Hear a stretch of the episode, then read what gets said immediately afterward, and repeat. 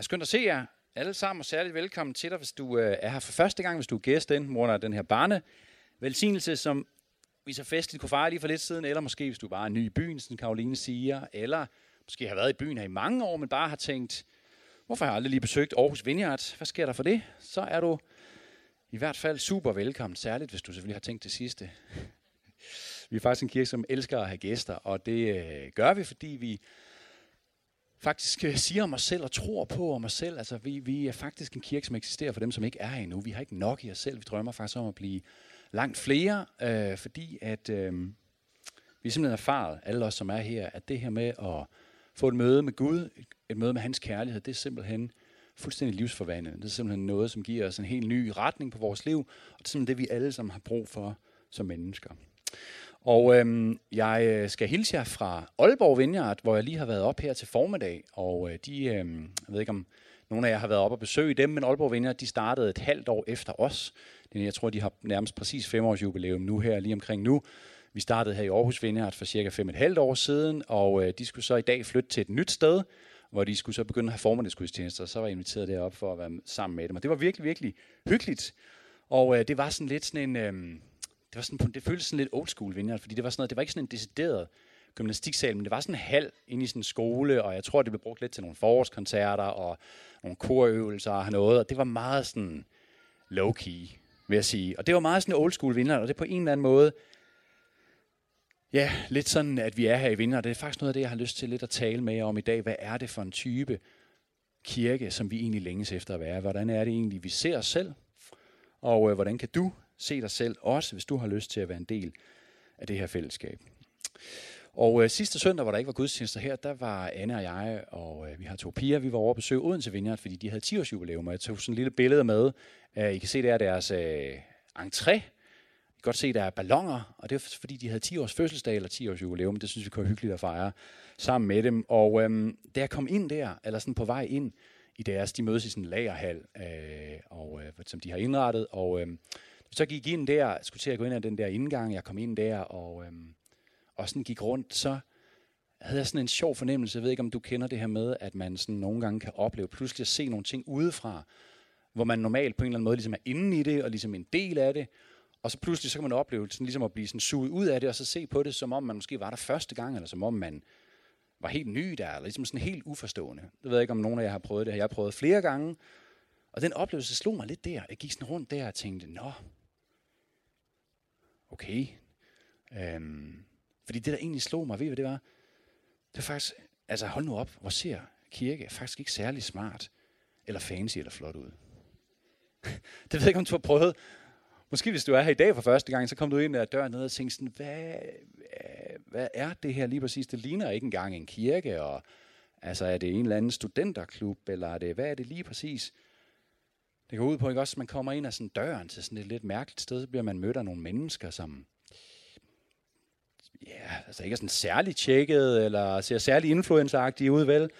Så kan man så få lov til at tage en kop af sådan noget kaffe, som er mildt sagt ret dårligt. Det er i hvert fald helt tydeligvis ikke lavet på sådan nogle friskmalede fairtrade bønder, vel? Det er nok det billigste nede fra Fakta.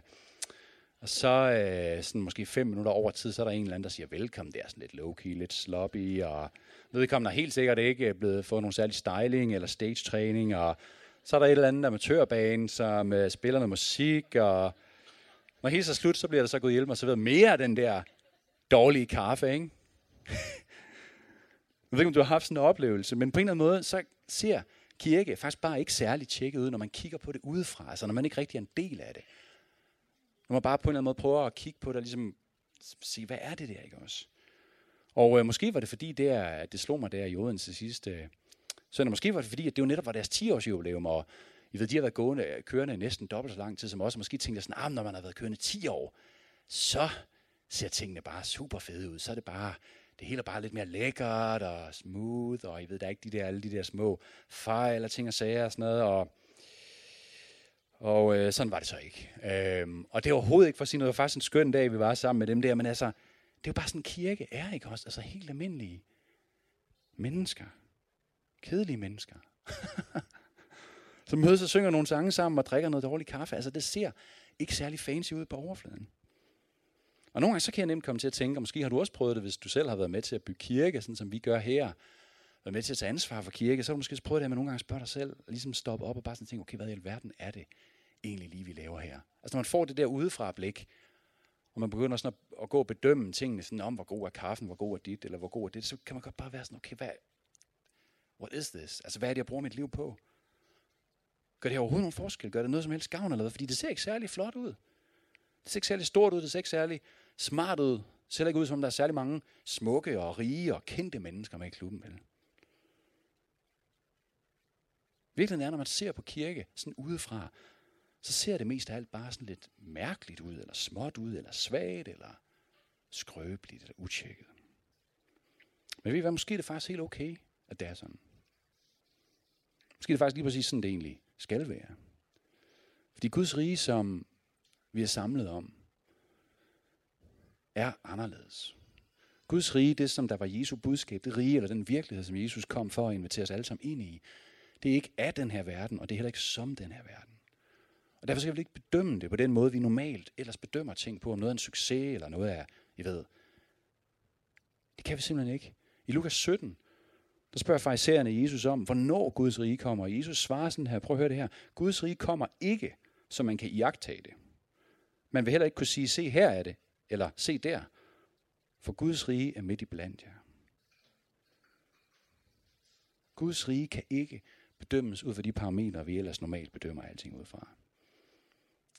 Jeg kan så også fortælle, så synes jeg måske også, jeg skylder, at efterfølgende, efter at gudstjenesten så startede der sidste, i sidste søndag, der i Odense Vineyard, ikke? der tingene gik i gang, Vi var så ændrede min oplevelse jo fuldstændig ikke også. Fordi så snart vi begyndte at tilbe sammen, ligesom vi gjorde i dag, så kom Jesus nær. Så kom Gud nær og var sammen med os. Guds nærvær var stærkt, ikke også? Og endnu stærkere var det faktisk at høre en hel masse forskellige historier og hilsner. Det var sådan en jubilæumsgudstjeneste, så de havde fået en masse folk, som enten var med i kirken, eller havde været med i kirken i en overræk, til at sende hilsner. Der var hilsner fra folk, som nu var missionærer i Kambodja. Der var folk, som var flyttet til Grønland og boede der. Der var folk, der var nu boede på Færøerne. Der var folk, som var flyttet helt herover til Aarhus. Christian Dolberg. og ved I hvad, det der var gennemgående for alle de hilsner, det var, hvor meget det havde betydet for de her mennesker at få et møde med Gud igennem Odense Vineyard. Det er simpelthen, og det, og det er jo ikke, det, det er jo ikke sådan noget, hvor, altså, det kan man mærke også, når folk fortæller en historie, at et eller andet prøver de nu at piske en eller anden stemning eller sådan noget. Det var helt stille og rolige mennesker, som fortalte om, hvor fuldstændig livsomvæltende det havde været for dem at blive mødt af Gud igennem det her uperfekte fællesskab i Odense. Og som jeg sad der og lyttede til alle de der historier og og knep en tårer eller to, ikke også, så kunne jeg mærke mit hjerte brænde i, i mig. Ikke også? Fordi det er jo det her, det hele handler om. Det er jo det, det handler om. Det handler om, at Jesus er til stede, når vi mødes. Det handler om, at han kommer os nær, og han forvandler os, og han giver os en helt ny kurs på vores liv. Og så bliver alt det andet bare lidt mere ligegyldigt. Ikke? Så det er det, som vi skal handle lidt om i dag, og øhm, jeg har valgt sådan en helt simpel titel på talen, nemlig Guds rige, et halvkikset middagsselskab for små mænd, non-celebrities og andre tabere. Og hvis du tænker, hov, det var da en kønnet titel, det tænkte min kone, for der stod mænd, så vil jeg bare sige, øh, det er faktisk fordi, det er en historie om en lille mand, bare lige for at sige det. Så der er altså ikke nogen kvinder, der er glemt her. Men små mænd er også velkomne, og små damer også. Lad os prøve at læse øh, sammen, inden at jeg siger noget øh, andet dumt øh, fra Bibelen. Det er fra Lukas øh, 19, vi læser. Og Jesus kom ind i Jericho og gik igennem byen. Der var der en mand, som hed Zacchaeus. Han var overtolder, og han var rig. Er, er der noget helt? Wow! Hold op, er der nogen, der kan udlægge den tunge tale? Skulle jeg sige.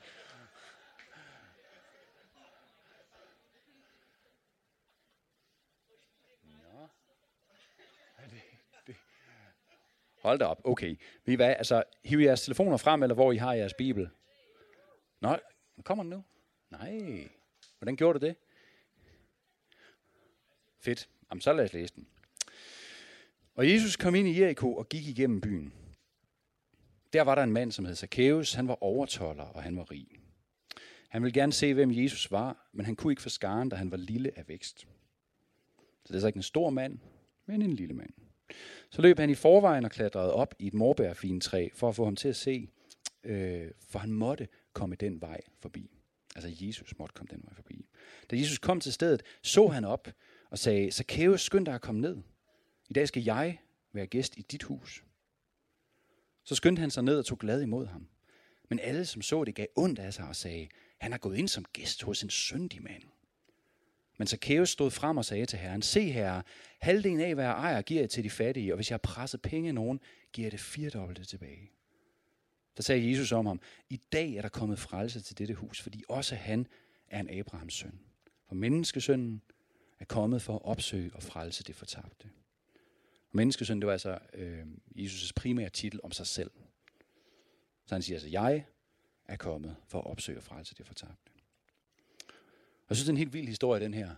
Og øh, for at vi ligesom kan forstå helt dybderne af den, så er vi nødt til at bruge lidt tid på, hvad det er for en kultur og for en kontekst, som det her udstiller sig i. Vi er nødt til at bruge lidt tid på ham af Zacchaeus. Og så også, øh, skal det også handle en lille smule om sådan jødiske middagsselskaber in general. Og øhm, Zacchaeus, han var overtoller, og han var rig. Det får vi vide allerede i vers 2. Og umiddelbart, når man læser det, tænker man, det lyder sådan lidt fornemt, overtoller, og han var rig og sådan noget. Men ved I hvad? Det var simpelthen lige modsat. Det var faktisk tværtimod, fordi tollerne var nogle af de mest forhatte og udstødte mennesker i Israel på det her tidspunkt. Og det var de af den grund, at de arbejdede for besættelsesmagten. De arbejdede nemlig for romerne med at inddrive øh, skatter, som så skulle gå tilbage til romerne, men de fleste af dem stak så også en hel del af de penge i deres egen lomme. Så det var altså mennesker, som virkelig havde solgt ud var gået over til fjenden for selv at skrabe til sig. Ikke? Og derved så havde de lagt sig selv fuldstændig for had. De havde svigtet deres folk. De svigtede deres kultur, deres religiøsitet. De havde bragt sig selv og deres familie dyb vanære. De havde derfor heller ikke adgang i synagogerne længere. De var fuldstændig ekskluderet fra det religiøse fællesskab, som ellers var noget, der fyldte virkelig meget. Ikke? Også de var på os på samme måde udstødt af deres familier. Og det var faktisk helt normalt, når de gik på gaderne, at folk råbte efter dem, eller spyttede efter dem, hvis det var, at de gik rundt uden øh, soldater som beskyttelse. Og ham her, Zacchaeus, han er så altså ikke bare toller, men han er overtoller. Så det er altså ligesom endnu værre, ikke?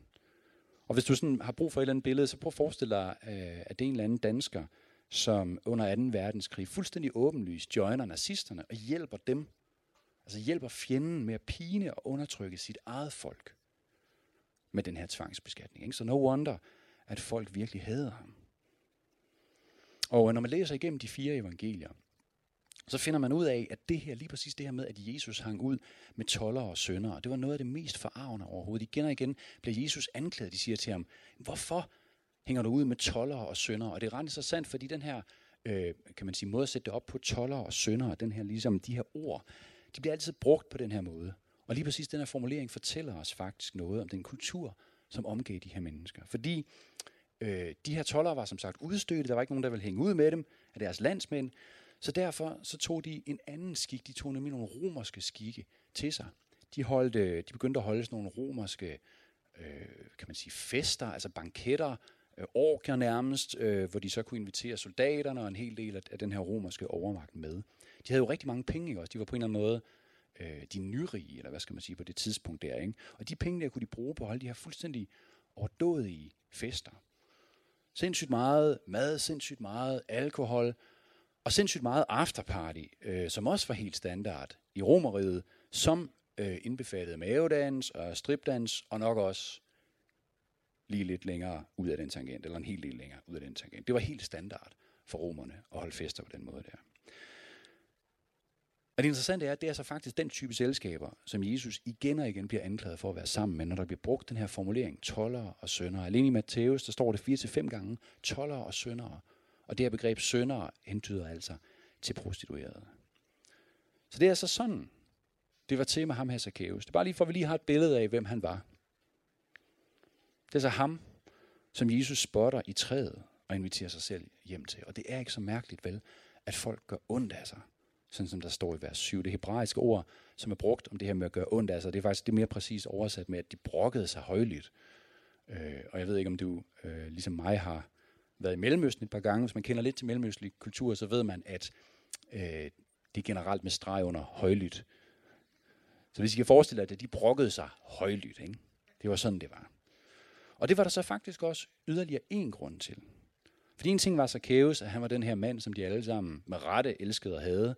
Men en anden ting var den jødiske kultur omkring måltider og gæster. Fordi på det her tidspunkt, der var Jesus ved at blive lidt af sådan en hotshot, ikke også? Folk havde hørt rygter om ham, at han helbredte mennesker. At han kunne spise store crowds. At han genoprettede mennesker. Og når der så kom sådan en, en hotshot, en kendis til byen, så var det skik og brug, at man på forhånd havde planlagt, hvor og hvem som skulle huse den her fornemme gæst. Hvem der skulle invitere ham ind. Hvem der skulle forberede det hele, sådan så det ville være rigtigt og æresfyldt. Så kan du være, at du tænker, jamen, hvordan kunne de vide, at Jesus ville komme? Men det kan vi faktisk læse om i Lukas 10. Ni kapitler tidligere, der kan man nemlig læse om, hvordan Jesus sender disciplene ud to og to, for at gå i forvejen til alle de steder, han agter at tage hen. Så de gode folk i Jericho, de har på det her tidspunkt på forhånd vidst, at inden længe, så kommer Jesus af Nazareth igennem vores by. Og derfor så er det faktisk meget sandsynligt, at de allerede måske flere uger i forvejen havde snakket om, debatteret og aftalt, hvem er byens prominente beboere, altså hvem er de, ligesom dem, der var fine på den, hvem er de rettroende, hvem er de fornemme, hvem er de højtstående, skulle modtage Jesus og invitere ham ind på et fornemt festmåltid. Og nej, der kan man så sige, at taberen, Zacchaeus, som var overtolder slash oversønder, han var ikke på listen over de egnede kandidater til at tage imod Jesus, vel? Han var faktisk så langt fra, som man overhovedet kunne være. Men prøv så, så, for, prøv så prøv at forestille dig den der scene. Jesus kommer ind i byen, går ned ad hovedgaden i Jericho. Folk flokkes om ham. De vil høre, hvad han har at sige. Og lidt længere ned ad gaden, måske ligesom jeg står her, så nede ved døren der, 40 meter længere ned, eller sådan noget, så er der stået den her fornemme mand, ikke? også den her ret troende, strengt religiøse, sådan et borgmesteragtig type. Han har stået den der og ventet på, at Jesus kom ned til ham, og så kunne han invitere ham ind i hans fancy og fornemme hus, og ind til det her måltid, som han måske har forberedt over flere dage, efter alle de her religiøse kostskikke og sådan noget. Ikke? Og det var ikke kun ham her borgmestertypen, som ventede på det, nej, det var faktisk hele byen. Fordi det var aftalt, det var sådan, det var. Det var sådan, man gjorde. Det var det, der var det æresfyldte. Ikke også? Det var det, der var det rigtige at gøre. Men hvad sker der så? Pludselig så vender Jesus sig op imod træ. Ved siden af vejen begynder at snakke op til en eller anden mand, som af en eller anden grund sidder oppe i toppen af det der træ. Ikke? Og efterhånden, som folk ser, hvem det er, han taler med, og hvad det er, der er ved at ske, så breder der sig den her vrede mumlen, som meget hurtigt går over i det her højlytte, brok og vrede tilråb. Altså, er det Zacchaeus? Zacchaeus, mand, den idiot, hvad har han nu lavet? Skal Jesus til middag hos ham? Hvad er en mening? Er Jesus ikke klar over, hvem han er? Er du ikke klar over, at Jesus han er en landsforræder? At han er en usling, at han er en sønder? Er du ikke klar over, at det er helt forkert? Ikke bare for dig selv, men det er faktisk vandærende for os alle sammen, hvis du tager til middag hjemme hos ham.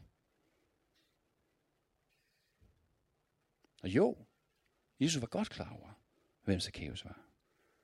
Og Jesus var også godt klar over, hvad der var skik og brug, og han var helt klar over, hvor provokerende det han gjorde var.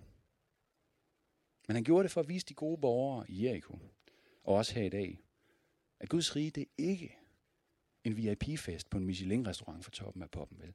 Guds rige, det er et halvkikset middagsselskab for små mænd, non-celebrities og andre tabere.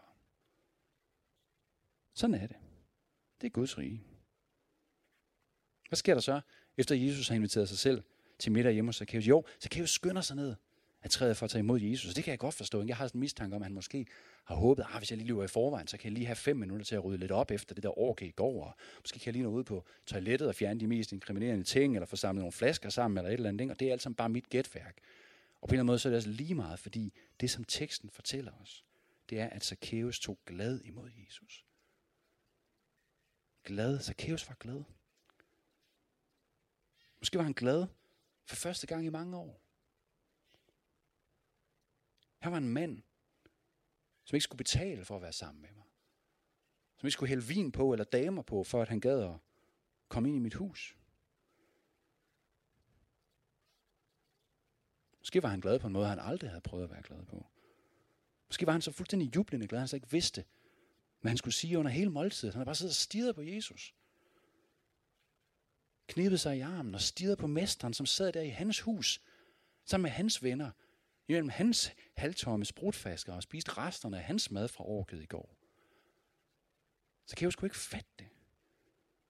Han bare sidder og stirrede på Jesus, indtil han til sidst ikke kunne holde glæden tilbage mere. Indtil det til sidst boblede så meget i hans bryst, at det måtte ud. En glæde så stor, at han bare måtte dele den med nogen, at han måtte gøre noget, sådan så hans glæde kunne få afløb. Ikke også? Se her, udbryder han, halvdelen af, hvad jeg ejer, giver til de fattige. Og hvis jeg har presset penge, og nogen giver det firedobbelt tilbage, altså hvad sker der for det udbrud? Jeg forestiller mig hans gamle venner, som har siddet der rundt om bordet sammen med dem, øh, med tømmermænd og sådan noget. De har fået så stort et chok, at den ene han har bare spyttet lambrusk ud over det hele, og den anden har fået et kyllingeben så galt i halsen, det der var blevet hans død. Ikke? Hvad for noget? Hvad var det lige, Zacchaeus sagde der? Zacchaeus, som lever og ånder for penge.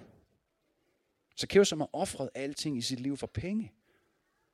Som har offret relationen til sin familie, offret sit rygte, offret sin sociale status, offret alting. Vil nu pludselig give halvdelen af alt væk, han ejede og mere til. Men der var en i selskabet, ikke også? Som ikke var ved at falde ned af stolen af forbløvelse, det var Jesus. I dag er der kommet frelse til dette hus. Fordi også han er en Abrahams søn.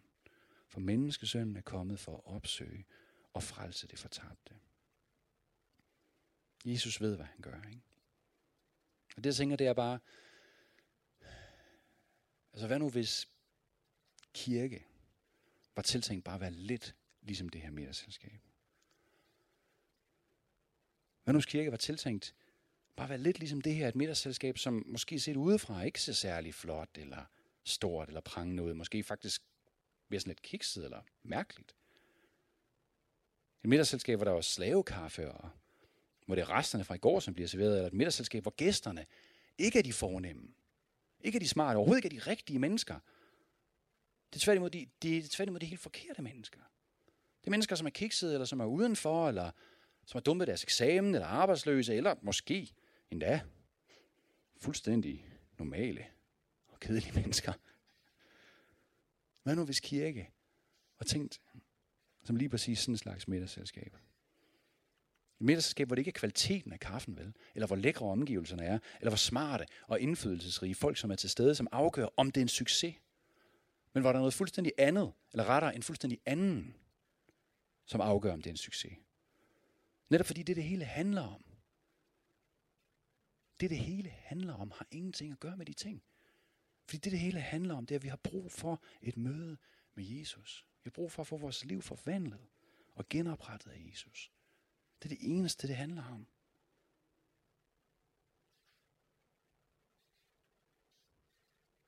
Det eneste vigtige ved det her middagsselskab, hvad var det? Det var, at Jesus var til stede.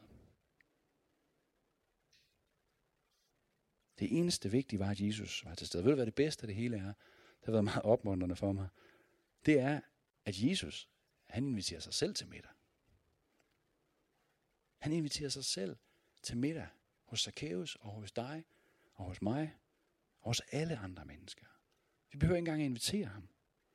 Han inviterer sig selv indenfor. Han sætter sig ved bordenden. Og så forandrer han alting ved det middagsselskab, bare ved at være der. I dag er der kommet frelse til dette hus. For menneskesønnen er kommet for at opsøge og frelse det fortabte. Og det slog mig, da jeg sad med det her i den aller sidste bog i Bibelen, Johannes åbenbaring, hvor Johannes, øh, Jesu disciple, der er blevet meget gammel, og han har det her syn.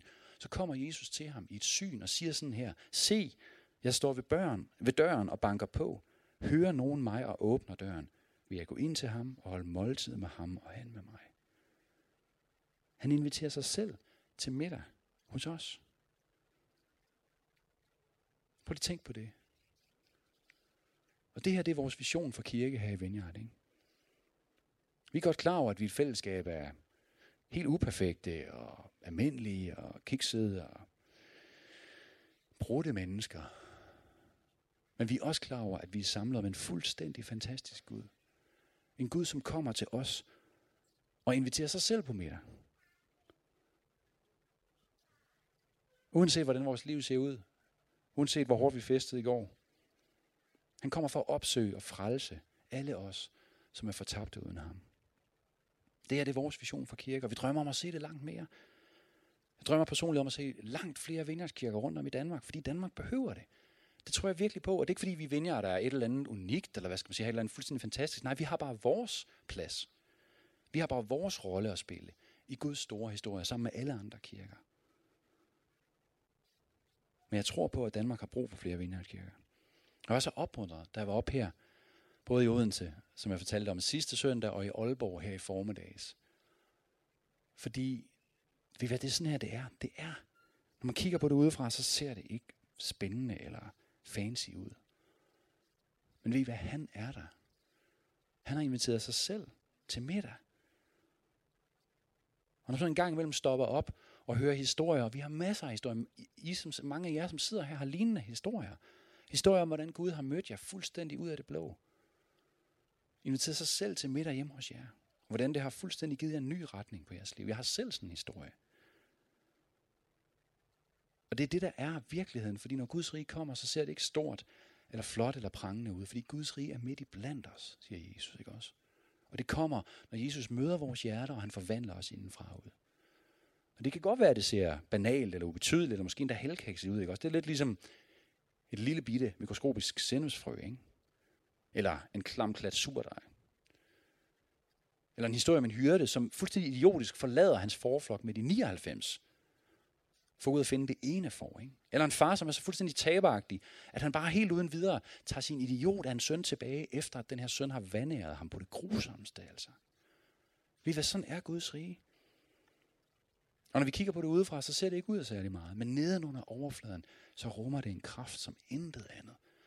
Så rummer det nemlig Guds kærlighed, som er den kraft, som kan genoprette liv og forvandle den her verden fuldstændig.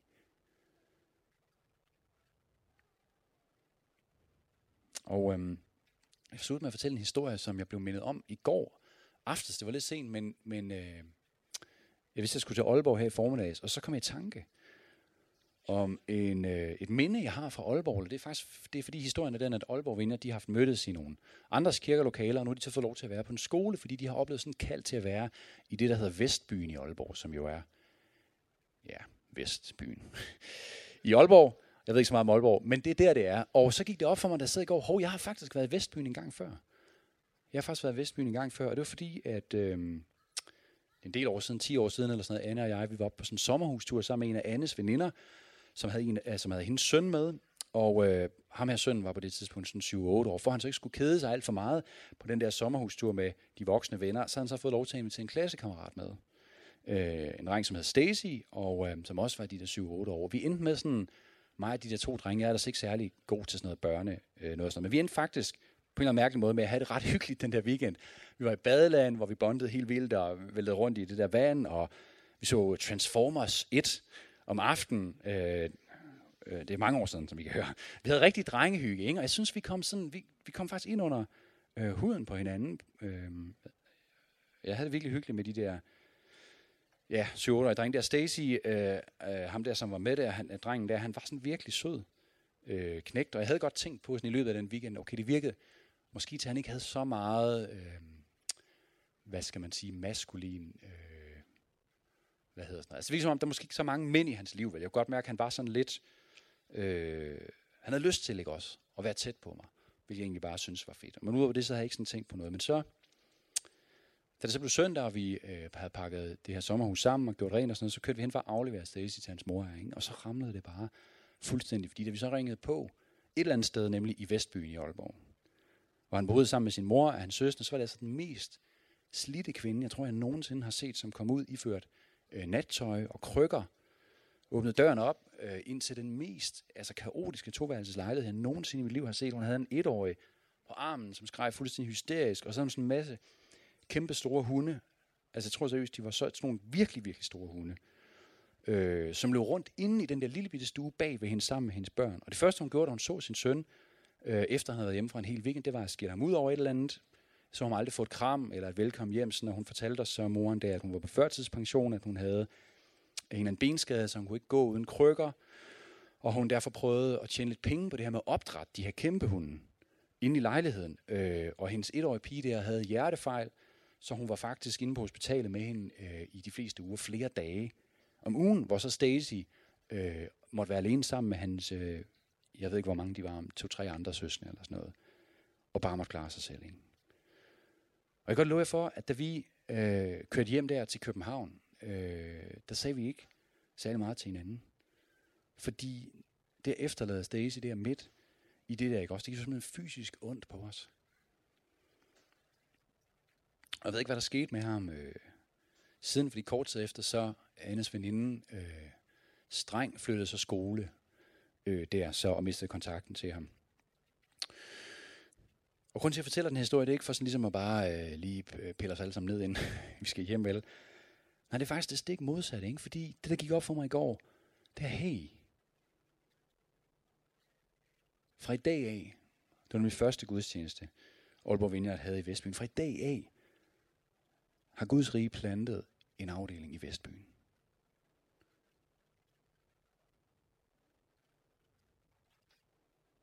Og vi, jeg tror på, at vi som kirke, jeg tror på, som vi, at vi som kirker er verdens håb. Ikke at vi har noget, men at Jesus igennem os er verdens håb, ikke også?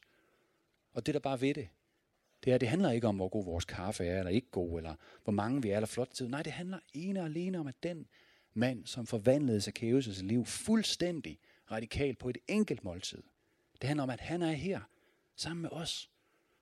Han er sammen med Aalborg Vinder, når de mødes.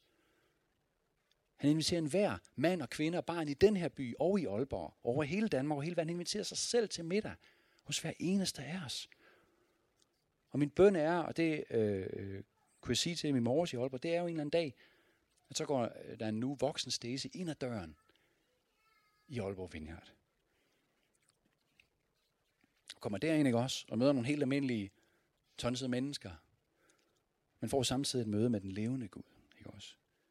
En Gud, som elsker ham, en Gud, som har alt det, han har brug for, som ønsker at forvandle hans liv fuldstændig. Det er sådan, det er. Det er det, jeg tror på, og det er det, jeg håber på. Og øhm, nu synes jeg, vi skal bede sammen. Så vi ikke øh, stille op.